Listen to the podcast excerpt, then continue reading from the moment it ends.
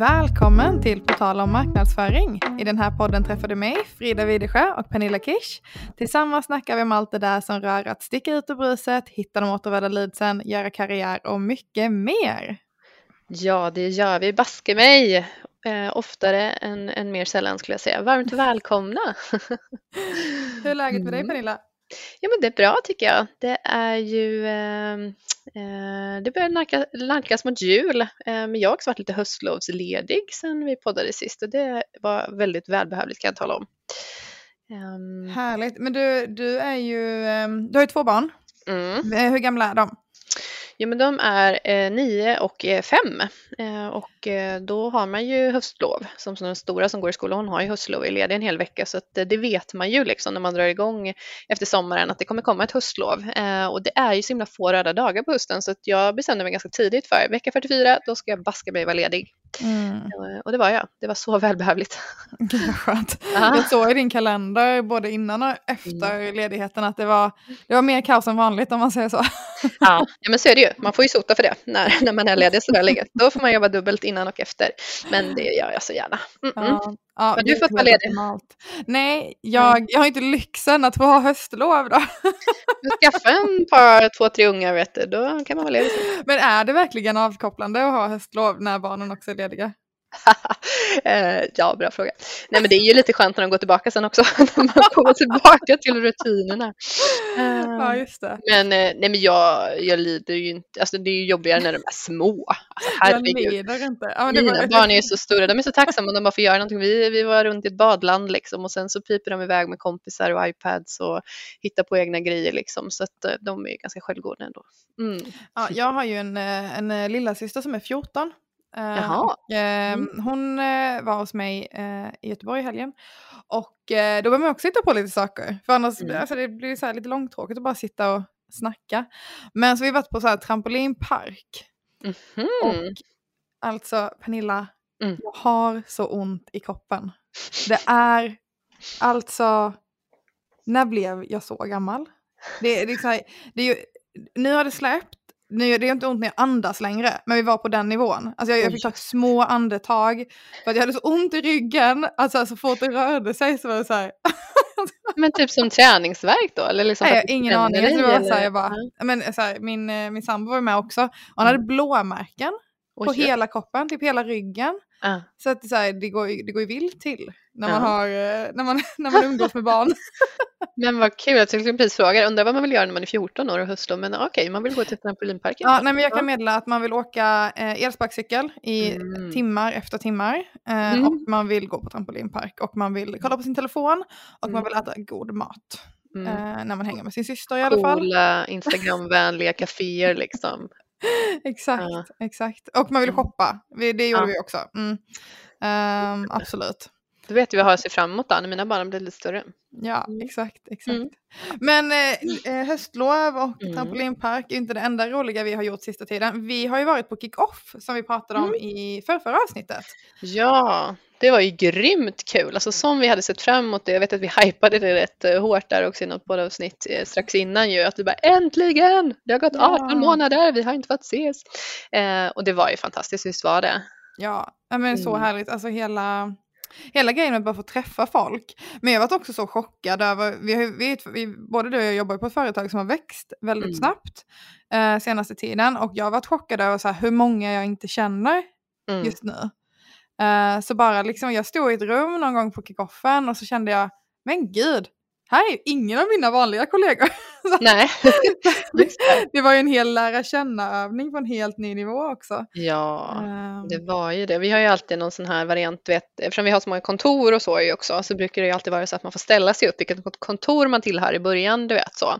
mm. Eh, och där har det också alltid varit, liksom, vissa kontor har alltid varit dominerande, så här, det är alltid flest som reser sig upp där, Mm. men det har ju skiftat som du säger. Nu är det, och nu var ju Norge med, det var väldigt mycket Mm. norrmän med. Eh, de var ju en hel drös liksom, eh, andra kontor som liksom har gått förbi områden och så. Så det, ja, det har hänt mycket. Mm. Det var tydligt. Väldigt, väldigt kul. Men du höll ju ett eh, pass under kickoffen. Vad, vad pratade du om? Mm. Eh, jo, men det gjorde jag. Jag och våra marknadsansvariga hade ett pass ihop eh, där vi pratade eh, lite om eh, visioner för, vi har ju det här nya affärsområdet där vi har massa spännande produkter som, som, eh, som hänger ihop. Då. Så vi pratar mycket om så här, vad är det för typ av personas som vi jobbar mot och det är ju mycket sälj och marknadschefer, IT-chefer då mm. Eh, eftersom vi jobbar med e-handel, applikationsutveckling och sådana bitar. Så, så vi höll ett litet pass kring det och även presenterade vårt säljteam som väldigt många, vi är ju ungefär 80-90 personer i vårt affärsområde mm. och många har ju aldrig träffat våra säljare så det var också en sån där eh, lära känna-grej liksom. Kul. Ehm, mm. Höll du något pass på kickoffen? Jajamän, det gjorde jag. Um, jag och um, jag jobbar ju liksom med vårt norska gäng så jag, jag sitter i Norge nu till exempel. Um, och uh, en, en del eller ett affärsområde i Sverige jobbar ju mycket med de produkterna som vi jobbar med här. Så vi gick ihop marknadsteamet för det området och marknad i Norge. Och så gjorde vi en, en typ av övning där vi parade ihop en person från Norge och en person från Sverige som har rätt så lika arbetsuppgifter för att ta lärdom från liksom, vad har vi gjort här, vad gör vi i Sverige, vad kan vi göra mer samma, vad borde vara olika vad, och vad kan vi lära oss av varandra och vad har funkat bra och mindre bra. Uh, det var en jättebra övning och um, det kändes som att det kom ut bra saker av det. Så att, uh, det gjorde vi. Mm. Kul också med en mer praktisk övning när man faktiskt får göra någonting. Mm. Inte bara sitta och lyssna. Mm. Det var väldigt bra. Men uh, Pernilla, uh. nu uh, är det ju så att vi har ju fått in så mycket frågor om LinkedIn. Mm. Vi, har haft, vi, har, vi har pratat LinkedIn i några olika sammanhang, eh, bland annat eh, i avsnittet med Philip Gossi eh, där han pratade social selling. Mm. Så varför ska man jobba med det? Vad är effekterna? Hur gör man det? Mm. Och nu har vi fått frågor som är väldigt specifika som inte vi kan svara på. Till mm. exempel, ska man ha länk i sitt inlägg? Ska man lägga det i kommentarerna? När mm. ska man posta? När är det högst engagemang? Mm. Så att vi har ju bjudit in en expert på det här som kan svara på precis alla de där frågorna. Mm. Um, vi har bjudit in Linda Björk, uh, LinkedIn-expert och uh, marknadsförare. Hon mm. har ju jobbat med uh, marknadsföring väldigt länge, uh, har drivit sitt, ett eget företag i över åtta år och har bland annat en podd som bara handlar om LinkedIn, LinkedIn-podden. Ja.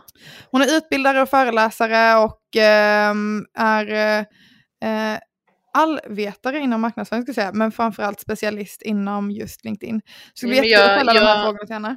Verkligen och jag, jag tycker, jag hänger ju en del på LinkedIn och jag stöter ju på Linda där i mitt flöde. Hon, hon har ju också kört väldigt länge eh, live varje fredag eh, med olika link, typer av LinkedIn-tips och så. Så att, eh, jag skulle definitivt säga att hon är ju en uttalad profil inom det här. Mm. Verkligen. Men eh, ska vi köra igång? Ja, jag är superpepp. Nu kör vi. Välkommen Linda! Hej! Tack så jättemycket för att jag får vara här och gästa er. Kul! Väldigt Härligt. roligt. Du är ju en eh, erfaren poddare så att det här känns väl inte så nytt för dig va? Nej det stämmer. Jag har ju en egen podcast, LinkedIn-podden och har precis släppt 171 avsnitt. Men jag var faktiskt inte själv från början så jag kan inte ta åt mig all äran. Plus att jag har gästat en del också. Det är ett jätteroligt format tycker jag. Ja. Ja. Underbart. Och jag älskar skånskan också. Var, vilken del av Skåne är du ifrån? Jag bor i Helsingborg. Ja, det... Sveriges vackraste stad faktiskt också är det till. Mm. Oj, inte illa. Inte illa. Men eh, Linda, vi presenterade dig lite kort innan eh, du kom in i samtalet. Men kan inte du berätta lite mer? Vad, vad är det du gör för någonting? Jag utbildar först och främst i LinkedIn och LinkedIn är ju mitt expertisområde eh, och har fokus på marknadsföring, kommunikation och social selling. Så det är den inriktning jag har. Sen har jag givetvis föreläsningar går in på samma men även strategiska uppdrag. Men det är LinkedIn som ligger botten och sen har jag ett eh, stort intresse just för marknadsföring och kommunikation. Mm. Just. Hur kom det sig att du kom in på det här spåret? Det är ju en väldigt, du är väldigt mycket en specialist. Mm. Det är jag, det är jag. Och eh, faktiskt jättekul att du frågar. Anledningen är så att jag jobbade, hade ett helt annat företag tidigare och hade det i ungefär 15 år. Sålde det, gjorde en exit och visste inte vad jag skulle göra och då sökte jag in på Bergs, kom in, läste till social media manager. Det här är 2014 eller 15, det är ganska länge sedan nu. Mm. Och eh, när jag då började prata lite om LinkedIn, då var det nästan ingen som pratade om LinkedIn. Det var mm. verkligen så. Det enda man pratade om det var ju Facebook. Och Mm. eh, då tänkte jag redan då att men jag kanske ska börja fokusera mer och mer på LinkedIn. Vilket jag då har gjort eh, sen dess mer eller mindre. Men min första utbildning det var faktiskt hur man skapar affärsnytta via Facebook. Men det är inte många som vet om. jag lämnade det väldigt fort, Facebook. Ja, Kul. Vilket år var det LinkedIn eh, lanserades i Sverige om man säger, eller, liksom, eller slog, slog igenom? Det är väl alltid några early adopters och sådär, men liksom du nämnde 2014 började du läsa till social media manager. Eller var du klar Exakt. då? Ja, mm. Och, och det har ju hänt väldigt mycket. LinkedIn har ju funnits i, jag tror, nu får vi kolla det här då. Eh, Jag tror att LinkedIn har funnits i tio år. Jag vet inte hur du vill göra här. Eh, Eller så säger jag så här, LinkedIn har funnits väldigt länge men de senaste fem åren så har det hänt otroligt mycket. Och där ser jag ju tydligt att LinkedIn har gått från att ha varit en tråkig CV-databas där man mm, pratade väldigt mycket business, corporate, Mm. eh, liksom lite stelare. Och sen så släppte ju LinkedIn ett helt nytt gränssnitt för ett år sedan. Fler och fler användare, eh, nyligen passerat 4 miljoner eh, svenska användare bara för Mm. ett litet tag sedan. Och det har ju hänt otroligt mycket, Mm. jag säga. Verkligen. Jag tycker det är lite kul för jag ser ju inte LinkedIn som ett ställe där man eh, eller så här, inte som ett, ett primärt där man söker jobb utan det är, liksom, det är någonting annat för mig. Men fortfarande när man laddar ner appen så står det liksom för att hitta jobb på appen. Jag tycker det är kul att de inte har uppdaterat det fortfarande. Ja, det håller jag faktiskt med om. Och sen samtidigt så är det ju också så att de flesta lediga jobb som finns i Sverige, de landar ju på LinkedIn. Men vi är ju många som använder LinkedIn med det som jag tycker är roligt, det vill säga marknadsföring, kommunikation, bygga varumärke. Se till att man blir synlig och att andra får reda på att man finns. Just det. Verkligen. Och det tycker vi också. Vi tycker det är kul. Men eh, Linda, hur, eh, hur bemöter man sådana här personer som, eh, du vet som här inlägg på LinkedIn där det är så här, LinkedIn har blivit så tråkigt, det är, eh, det är bara tråkiga kommentarer, man får bara säljmeddelande, det finns inget vettigt att läsa här. Hur bemöter man sådana människor? Alltså där brukar jag vara rätt så krass och jag, eller vissa tycker att jag är ganska tuff. Men det är ju så att du som person, för det första kan du styra delvis det som du får se. Du kan styra det genom dina egna aktiviteter, det vill säga det som du gillar och kommenterar. Det får du se mer utav. Det innebär att om du har personer i ditt flöde som du tycker då är tråkiga eller inte tillför någonting eller så, då får du ju liksom sluta att kommentera i första steget och det andra steget, ta bort kontakten. Mm. Och det tycker, jag, det tycker många låter tufft. Men det är ju du som bestämmer, det är ju ditt flöde. Och för att du ska logga in så måste det tillföra dig någonting. Mm. Just det, och rent praktiskt är det då att man avföljer den personen men den är ju ändå kvar i, bland dina connections på något sätt va? Ja, det, avfölja är ju första steget. Jag, jag brukar säga att det, man kan liksom göra den milda varianten, mellanmjölksvarianten. Då kan man börja med att avfölja. Och annars så kan man givetvis ta bort kontakten. Och har man någon som är, är elak, om jag säger så, då ska man ju, kan man till och med blockera det. Men då tycker jag det ska gå ganska långt. Mm. Jag har tagit bort eh, kontakter, men jag, jag, jag är rätt så krass med det. Alltså jag tycker, är det eh, för ofta får man ju mycket um, connections och vänförfrågningar eller vad, det, vad man ska kalla det. Ja men eh, så. Och eh, jag är rätt så frikostig med att tacka ja. Och så får man väl känna lite så här, känns det här relevant? Men nej, det här var inte så intressanta inlägg som jag tänkte när jag såg din profil från början. Mm. Så att eh, då blev Och det, tyck-. Exakt, och jag tycker du gör helt rätt i det. För det gör ju också att när du loggar in så vet du att du får ju ett bättre flöde utifrån att du då har valt att eh, plocka bort någon. Och Mm. jag tycker också att här bör man ju tänka själv som person. Vad är det egentligen för något budskap som jag skickar ut? Vill jag vara den personen som spammar eller pratar bara om mina produkter eller pratar för mycket corporate? Ja men då kanske du inte är så himla rolig att följa egentligen. Handen på hjärtat lite så här. Ja men verkligen, man, eh, det ligger någonting i det. Mm. Men vad heter det, Linda, vi har ju bjudit med dig i den här podden bland annat för att vi har ju fått en hel del frågor som inte vi kan svara på kopplat Mm. till LinkedIn. Eh, både efter vi har pratat om social selling en del eh, i podden innan. Mm. Eh, så nu kommer vi gå ner på lite detaljnivå, lite mer 90 gritty. En Mm. fråga som vi får ofta är så här, när ska man posta ett inlägg på LinkedIn? Mm. Mm. Den får jag också ganska ofta faktiskt. Och det är ju så att du ser ju inte exakt när dina följare, till exempel på företagssidan då, när de är aktiva eller dina kontakter, den, den informationen finns ju inte på LinkedIn. Men LinkedIn själv har sagt att bästa tid att publicera är på morgonen mellan 7 och 8 och eh, tidigt på kvällen, alltså någonstans runt 17. Och så ser man också ett litet skutt någonstans runt lunch. Mm. Sen har man sett att det här har flyttats nu i samband med eh, Corona, att vi har ju inte haft så mycket transporttid fram och tillbaka till mm. jobbet. Eh, och jag har själv justerat min publicering fram till kanske kvart i åtta eller fem i åtta någonting sånt där. Medan mm. tidigare då så kanske det var kvart över sju eller tjugo över sju någonting sånt. Mm. Sen ska jag också säga att man behöver testa sig fram. Jag gör inlägg ibland eh, på söndagar. Ibland går de hur bra som helst och ibland så faller de som en eh, pannkaka skulle jag säga. Mm. Eh, vilket kan ju såklart hända. Det händer ju alla. Mm. Och man behöver ju då läsa statistiken och titta på vad är det som funkar, vilka format, när det här publicerats och sen så får mm. man justera och eh, eh, agera utifrån det. Så att mm. även om man säger att det är på morgonen så kan det ju faktiskt vara så att just du och din målgrupp är kanske på LinkedIn vid 12. Mm. mm. Just det. Mm. mm.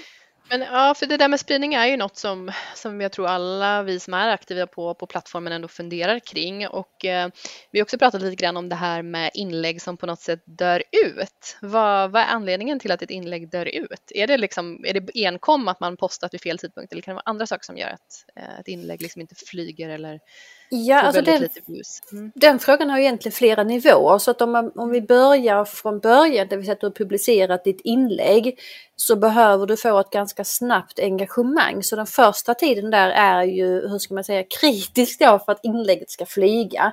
Mm. Så är det någon som tänker att eh, hurra, nu har jag publicerat mitt inlägg, jag har schemalagt och nu kan jag gå vidare med nästa arbetsuppgift. Då missar man ju liksom en stor del av hur LinkedIn eller egentligen andra sociala medier också funkar. Det. Och det här kallar man för post and ghost och det ska man ju då helst undvika att man försvinner som ett spöke när man har publicerat. Mm. Så när vi har publicerat ett inlägg, vi utgår från att det är bästa tid och det är bra dag och det är ett bra innehåll för det är en förutsättning. Mm. Så måste man ju ändå vara där för att kunna bemöta kommentarer. Och mm. när väl inlägget tar fart då kan man ju liksom lämna och sen så kommer det fortsätta. Men det första engagemanget, det ska komma snabbt och det är det som avgör om ditt inlägg går bra eller inte. Sen är det ju mm. fler faktorer kopplat till det här. Eh, till exempel om du använder hashtags så säger ju LinkedIn att du får en högre räckvidd. Om du då har valt hashtag som har följare, det är ju rätt intressant mm. bara det. Jag ser inlägg varje dag som har valt hashtaggar som inte har någon följare överhuvudtaget. Då är ju inte de någon nytta. Man blir lite kreativ där och hittar på en egen. Ja. ja, precis, precis. Och sen har vi också det här att eh, det är bra att tagga in två, tre personer. Så att använd två, tre, fyra hashtaggar och tagga in två, tre personer. Men då är det också väldigt bra att veta att de här två, tre personerna kanske brukar vara på LinkedIn så att de då besvarar din taggning. För det är ju ett sätt som du ropar på hjälp. Så kan man enkelt säga. Så alla de här faktorerna de påverkar hur det kommer gå för ditt inlägg. Och när du väl har fått ett engagemang, då kommer ju ditt inlägg att synas mer och LinkedIn kommer också visa det för fler personer. Men får du däremot nästan inget engagemang eller ett lågt engagemang, då har LinkedIn bestämt sig för att nej men det här engagemanget, när det blev fel. Då har LinkedIn bestämt sig för att nej men det här inlägget, det tror vi egentligen inte är så bra för att det får inget engagemang. Och mm. då så tänker LinkedIn, då visar vi någonting annat istället. Ja, ja, det, ja, ja precis som jag har läst att det är två timmar som är den, den liksom dödsviktiga perioden. Att det är så här, får man ner kommentarer där väldigt tidigt då, då kan man lika gärna göra ett annat inlägg. då är det mm. förstört. Och jag ska säga två timmar är du ju väldigt generös ska jag säga. För att jag säger att det är mycket, tid, mycket kortare tid än, än så. Så att engagemanget behöver komma snabbt på LinkedIn. Mm. Eh, och det är ju egentligen inte heller unikt för LinkedIn utan det är ju så sociala medier. Och det mm. innebär att tiden är ju ganska viktig att se till att eh, pricka in den när just dina följare är aktiva. Mm, mm. verkligen. Mm. Men, det, men eh, en annan fråga som har kommit upp är ju eh, det här med att lägga länk i, i inlägget eller länk i mm. kommentar. Eh, hur, ehm, hur ska man tänka kring det? Ja, det där är ju en spännande fråga och det är ju så att jag får ju den också ganska ofta och jag vill ju egentligen lyfta det här till en, en annan nivå. För vi kan ju börja med att prata om det som du frågade, det vill säga att om vi ska lägga länken i kommentaren eller var ska vi göra av den där förbenade länken egentligen? Mm. Och vad det handlar om är ju så att LinkedIn, när du lägger en länk så får du per automatik lägre räckvidd och det är ju inte heller unikt faktiskt för LinkedIn. Men mm. då kanske du tänker precis som många, många andra och så aha, jag vet, jag lägger länken själv direkt efter att jag publicerat mitt inlägg. Tre sekunder senare, jag lägger den som en kommentar, tänker du. Mm. Och så tänker du, nu har jag löst det här. Och så tänker jag att det har du inte alls gjort. så, så där är ju lite annorlunda om man ska säga det. Men grejen är så att vi måste ju göra det bästa för att se till att få ut så mycket som möjligt. Och första frågan som du ska ställa dig det är varför ska du länka stup i kvarten?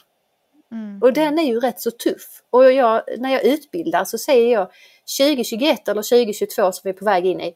Länkar ska aldrig vara den första KPI eller det första valet när du ska publicera ett inlägg på LinkedIn. För mm. att du får en lägre räckvidd. Och då innebär det att du behöver tänka nytt och tänka annorlunda för att maximera effekten på LinkedIn. Mm. Men om vi ska gå mer konkret här då, eh, så är det ju så att om du då lägger länken i första kommentaren så är det ju två saker som påverkar det här, så, eller tre faktiskt pratar man om nu. Men det första är ju då att LinkedIn visar ju inte alla kommentarerna. Och jag kan ju lova och säga så här att om du skriver det och du får 50 kommentarer, jag kan ju få ganska många på mina inlägg, det är ingen som kommer att sitta och leta igenom och, och trycka på eh, selektera eller ändra ordning på dina kommentarer för att de ska leta upp just din länk, länkig kommentar mm. så att säga. Mm. Plus då att LinkedIn visar ju inte alla. Sen om någon... Mm. mm.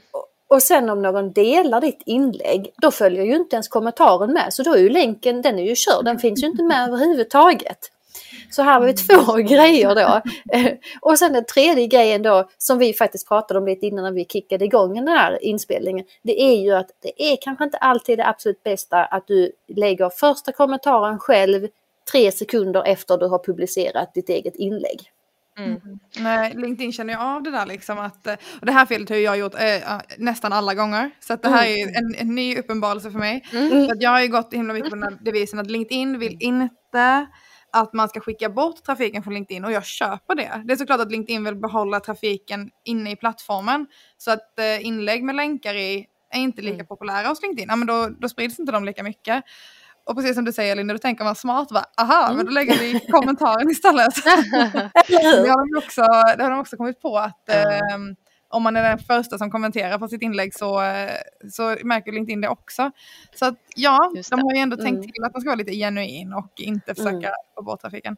Men, och det är väl rätt så enkelt egentligen så här, när, när du och jag Pernilla lägger in inlägg och vill länka, det kanske är mm. att vi har spelat in en podd och vi vill länka till mm. podden. Men mm. folk hittar ju. Herregud. Ja, men jag tror det är det som är så viktigt att tänka. Ja, för jag tänkte samma sak. Okej, okay, men vad är det eh, folk och vi då eh, ofta länkar? Och det är ju som du säger kanske länk till ett poddavsnitt. Det kan vara en länk till något webbinar eller ett annat event man vill pusha. Det kan också vara någon intressant artikel man har publicerat. Ja, det är ju sådana länkar.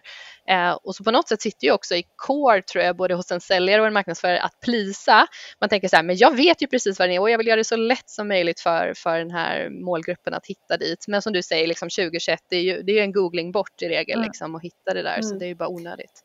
Och, och, jag tänker också att man måste ju skilja lite på det här, för men givetvis måste vi ju länka och mm. eh, däremot så ska vi ju inte länka stup i kvarten eller för att man alltid har gjort det eller man tänker att vi alltid måste driva trafik. Utan mm. vad det handlar om här det är ju att använda kraften på LinkedIn och när du behöver, alltså när du måste länka, ja men då får du ju givetvis länka. Och så mm. kanske du får vara beredd på att du får lite lägre engagemang i just det inlägget och synlighet. Men å andra sidan får du igång engagemanget, att du avslutat inlägget med en call to action, så kan det ju ändå lyftas över ett annat inlägg som kompenserar upp det där lilla tappet som du får via att du har lagt en länk då. Ja, men, just det. Mm. men hur ska man tänka, för, eh, för nu pratar vi både om egentligen inlägg från mig som privatperson och från eh, oss som har företagskonton. Hur, vad är det för skillnader man behöver känna till? Och den frågan kommer egentligen från att jag vet att när jag, jag kan göra ett rätt så, ett, ett bra inlägg på vår företagssida och ett rätt så likt inlägg privat då. Och eh, de privata går ju extremt mycket bättre. Mm. Mm. Just det. Så, är det och så är det. Så är Ja. det. Mm. Och jag tänker säga det samma som jag sa innan, att det är precis exakt samma sak på Facebook. Där är ju företagssidorna, i- det är ju nästan stendött. Det finns ju såklart undantag då. Men, men företagssidor har ju generellt en lägre räckvidd. Och eh, vi som via våra personliga profiler, vi får ju en mycket, mycket större räckvidd.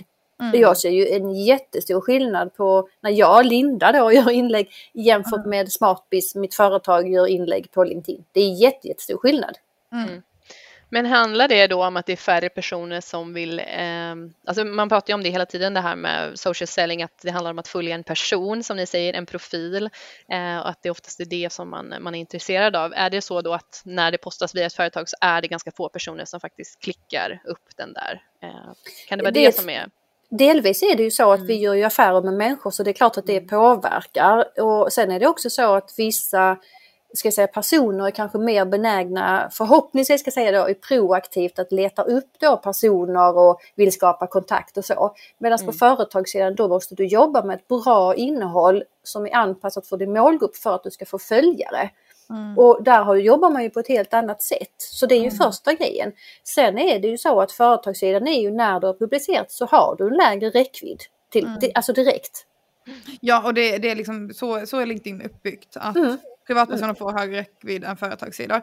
Exakt. Då tänker jag ju direkt så här. Men hur ska man göra då som företag? Ska man tänka att det räcker för oss att posta på vår företagssida en gång i veckan? För att det är inte där vi kommer att nå flest, utan det, det är bara så här, de som söker upp oss på LinkedIn och vill kolla i vårt flöde, då ska det finnas bra saker. Men vi behöver fokusera på att få nyckelpersoner i företaget som tycker det är spännande med LinkedIn att faktiskt göra precis den kommunikationen vi vill få ut egentligen genom företagssidan. Är, det, Mm. så, är det så man ska tänka för att liksom komma runt det här problemet? Mm. Det här är ju jättevanliga uppdrag som jag har att jag utbildar ju internt på företag och då utbildar jag ju både marknadskommunikationsavdelning, om man ska säga så, och sen utbildar jag ju medarbetarna. Mm. Och om vi då får lov att ta hjälp eller de är intresserade och att man hittar ett bra win-win, för det är det det handlar om. Det är klart att du kommer få en otroligt stor hävstångseffekt genom att medarbetarna blir aktiv och man är aktiv även på företagssidan. Mm. Och, och jag brukar säga att minimum på företagssidan är ju två inlägg i veckan. Mm. Och kan man hålla det och jobba då med återanvända och återskapa och alla format som finns på LinkedIn och man kan jobba med otroligt mycket innehåll som en del tycker att kanske inte riktigt hör hemma eh, men behind the scenes till exempel som är ju ganska bortglömt på LinkedIn men det kör man ju gärna på Instagram. Det funkar jättebra att köra på, på LinkedIn också. Mm. Och kan vi då kombinera det med att medarbetarna får göra sina röster hörda så har vi ju ett verkligen win-win i synlighet och räckvidd på LinkedIn. Mm. Definitivt. Mm. Intressant. Men jag tänker det som du är inne på här, som du säger när du utbildar på, på företag och det finns ju liksom Eh, en del större företag som också väljer att satsa på det här. Jag tänker så här, är man tusen medarbetare eh, och du utbildar då hela till exempel kommunikation och marknadsavdelningen och sen så vill man även då sprida engagemang bland fler medarbetare. Hur många, liksom, finns det en så här, vad rekommenderar, är det liksom så här alla som vill kan liksom, eller är det så här, om man är tusen medarbetare så åtminstone 5% för att det ska ge något eller, alltså finns det någon sån här, liksom, vad ska man säga, riktvärde på något sätt? Mm, jag tänker i första hand så, så tycker jag mer som en inspiration så behöver ju egentligen samtliga medarbetare få någon form av grundkunskap. Och då är vi back to basic, liksom, då pratar vi om att ha en profilbild, att man är kopplad till företagssidan, eh, att man, man åtminstone har fyllt i eh, de viktigaste sakerna på sin profil. Det tycker jag att alla företag borde erbjuda eh, sina medarbetare. Så det är första steget. Sen då nästa nivå, då behöver man börja titta på, okej vilka av de här har till exempel kundkontakt eller någon form av relation eller någon som är kanske duktig på att skriva, någon som redan är på väg att vara aktiv eller är aktiv. De kommer att behöva mer hjälp, kunskap och mer stöttning. Och det är där också man kan se en bra effekt. För då har du ett antal personer, det kan vara eh, 20, det kan vara 100 beroende på vad det är för företag och vilken målgrupp man har. Som drar hela det här loket och sen kommer så småningom fler medarbetare att bli aktiva. Men där behöver man ju hjälp. Både då marknadskommunikationsavdelningen behöver hjälp och medarbetarna kommer ju också behöva hjälp förbi alltså profilen. Alltså man verkligen förstår hur funkar LinkedIn? Vad innebär det när jag som medarbetare är aktiv? Vad ska jag egentligen prata om? Vad får jag lov att säga? Om man ska gå in på den delen också. Så, men det, det, där har vi ju en otrolig eh, kraft i LinkedIn när man börjar jobba på det viset. Mm. Men, ja, och det är väldigt spännande och det är viktigt också tror jag i organisationer att man känner att det är okej okay att ja, vara på LinkedIn. Att det inte är en aktivitet man måste göra efter 17. Uh, eh, för det vet jag också är så en, en, en del som inte är så vana vid LinkedIn att man tänker att det där får jag göra på min fritid för det är ju sociala medier. Mm. Precis, och där handlar det om hur man kommunicerar det internt.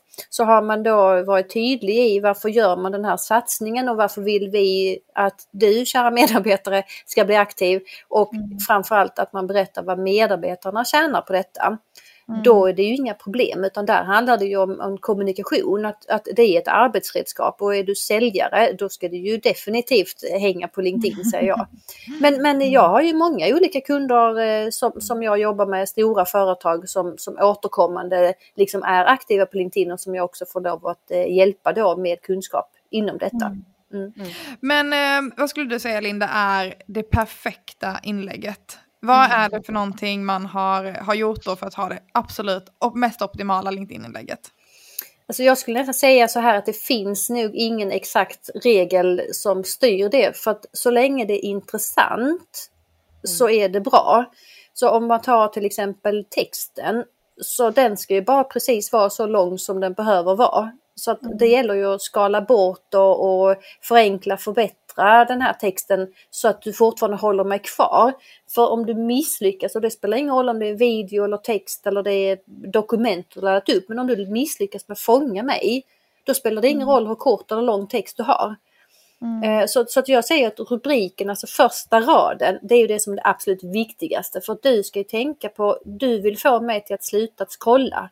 Det första mm. steget. Och det andra steget är att du vill att jag ska engagera mig i ditt inlägg. Och har du det mindsetet och den tanken så, så förhoppningsvis så kommer du få ett högre engagemang. Men också att du börjar tänka på, är den här textraden nödvändig? Eh, spelar du in en video, behöver den verkligen vara så där lång eller kan du ha den som är 45 sekunder och få fram ett riktigt kraftigt budskap så att vi mm. orkar titta på den? Mm. Just det ganska klassiska marknadsknep egentligen eller hur? Egentligen ja, ja det är lite som löpsedlar ju. Man, man, liksom, man har en klatschig rubrik, man fångar dem och sen så får man liksom föra läsaren ner genom texten eh, för att mm. de ska fortsätta läsa och sen avsluta med call to action. Mm. Ja, mm. jättebra. Men eh, det här var ju superbra tips. Jag tänker att eh, Pernilla, du och jag sammanfattar de här tipsen och om det är någon där ute som vill ha det här på en lista så kan man bara mm. skicka till oss eh, på LinkedIn i ett chattmeddelande så skickar vi en, en liten lista med punkterna sammanfattade. Mm. Eh, bland annat till exempel att man inte ska kommentera första kommentaren själv, att eh, inlägget eh, ska fånga läsaren i rubriken och att länken eh, helst inte ska vara där överhuvudtaget. Mm. ja, jag tycker så ju. Och, och det, jag att basunera ut det här budskapet och har gjort faktiskt ganska länge men det är ju ändå en hel del som envisas med att, att lägga länk i kommentaren. Eh, vilket jag tycker att man ska låta bli och istället bestämma sig för när man ska länka. Mm. Mm. Så eh, då tar vi och slutar med den nu Pernilla tycker jag. Ja. ja, men så bra konkreta tips. Eh, stort tack Linda. Men innan vi, innan vi rundar av här då eh, så skulle jag ändå vilja höra från dig vad, vad du vill skicka med till säljare och marknadsförare som inte syns och egentligen eh, finns på LinkedIn idag. Du behöver vara som säljare på LinkedIn för att du kan göra de kalla samtalen mer varma. Du kan få information av personer, du kan hitta beslutsfattare, du kan engagera dig i andras inlägg om vi tar säljbiten. Som marknadsförare så är det ju samma sak. Du kan ju bygga upp varumärkeskännedom, du kan börja prata om dina produkter eller tjänster fast inte om själva produkten utan du pratar ju utifrån content marketing, det vill säga vilket problem du löser. Och allt det här innebär att när din målgrupp är redo att köpa eller anlita dig så är du deras huvud. Och det är det vi måste tänka. Och genom att du konsekvent publicerar bra innehåll så kommer du att se att fler personer kommer att titta på din profil, fler personer vill skapa kontakt med dig och så småningom kommer det generera leads. Och tar vi mm. företagssidan, där kan man ju inte skicka meddelanden till exempel. Där kommer du se att du får ett högre engagemang, du kommer att förhoppningsvis också att få fler följare och även då får man ju mäta trafiken till hemsidan som en av KPI-erna då. Mm. Så, så, att det finns ju en mängd, mängd olika saker som man bör tänka på. Men, men jag säger att de flesta bör vara på LinkedIn. Mm. Men givetvis måste man utgå från sin målgrupp, sina resurser, det vill säga tiden man har på att lägga fram och ta fram innehåll och se mm, till att man får ett engagemang i inläggen. Mm. Så som säljare och marknadsförare behöver man vara där och man bör dessutom vara aktiv då, eh, tolkar jag in här i ditt svar. Att det är liksom, Exakt. Eh, för, ja. för, man brukar prata om det, första, första steget är ju att faktiskt bara finnas och synas, men, men steg två då är ju att faktiskt vara aktiv också, dela och bjuda på content och hela den biten. Eh, mm. och det låter ju på dig då som att det är inte ett alternativ att inte vara aktiv om man har Exakt. en roll som säljare. Mm. Mm. Och, och, LinkedIn där, det finns ju siffror där som, som säger att det är ju bara ett, ett fåtal procent som är aktiva på LinkedIn. Mm. Och de redovisar ju inte antal aktiva användare som, som andra sociala medier gör. Det, den redovisar ju inte LinkedIn den siffran. Utan mm. däremot så finns det siffror som säger att ja men typ 5 eller någonting sånt kanske har ökat lite nu med Corona är mm. de som är aktiva och publicerar inlägg. Och mm. tittar man till exempel på vilka som publicerar video eller som jag sänder ju live varje fredag. Den siffran sjunker ju drastiskt kan jag säga. Så att man mm. har ju en stor möjlighet att få synlighet. Men mm. allting handlar ju om att ha ett bra innehåll. För att, mm. för att det ändå ska ju vara att du ska locka din målgrupp. Mm. Verkligen, det finns ju massa potential där att bli den som är mm.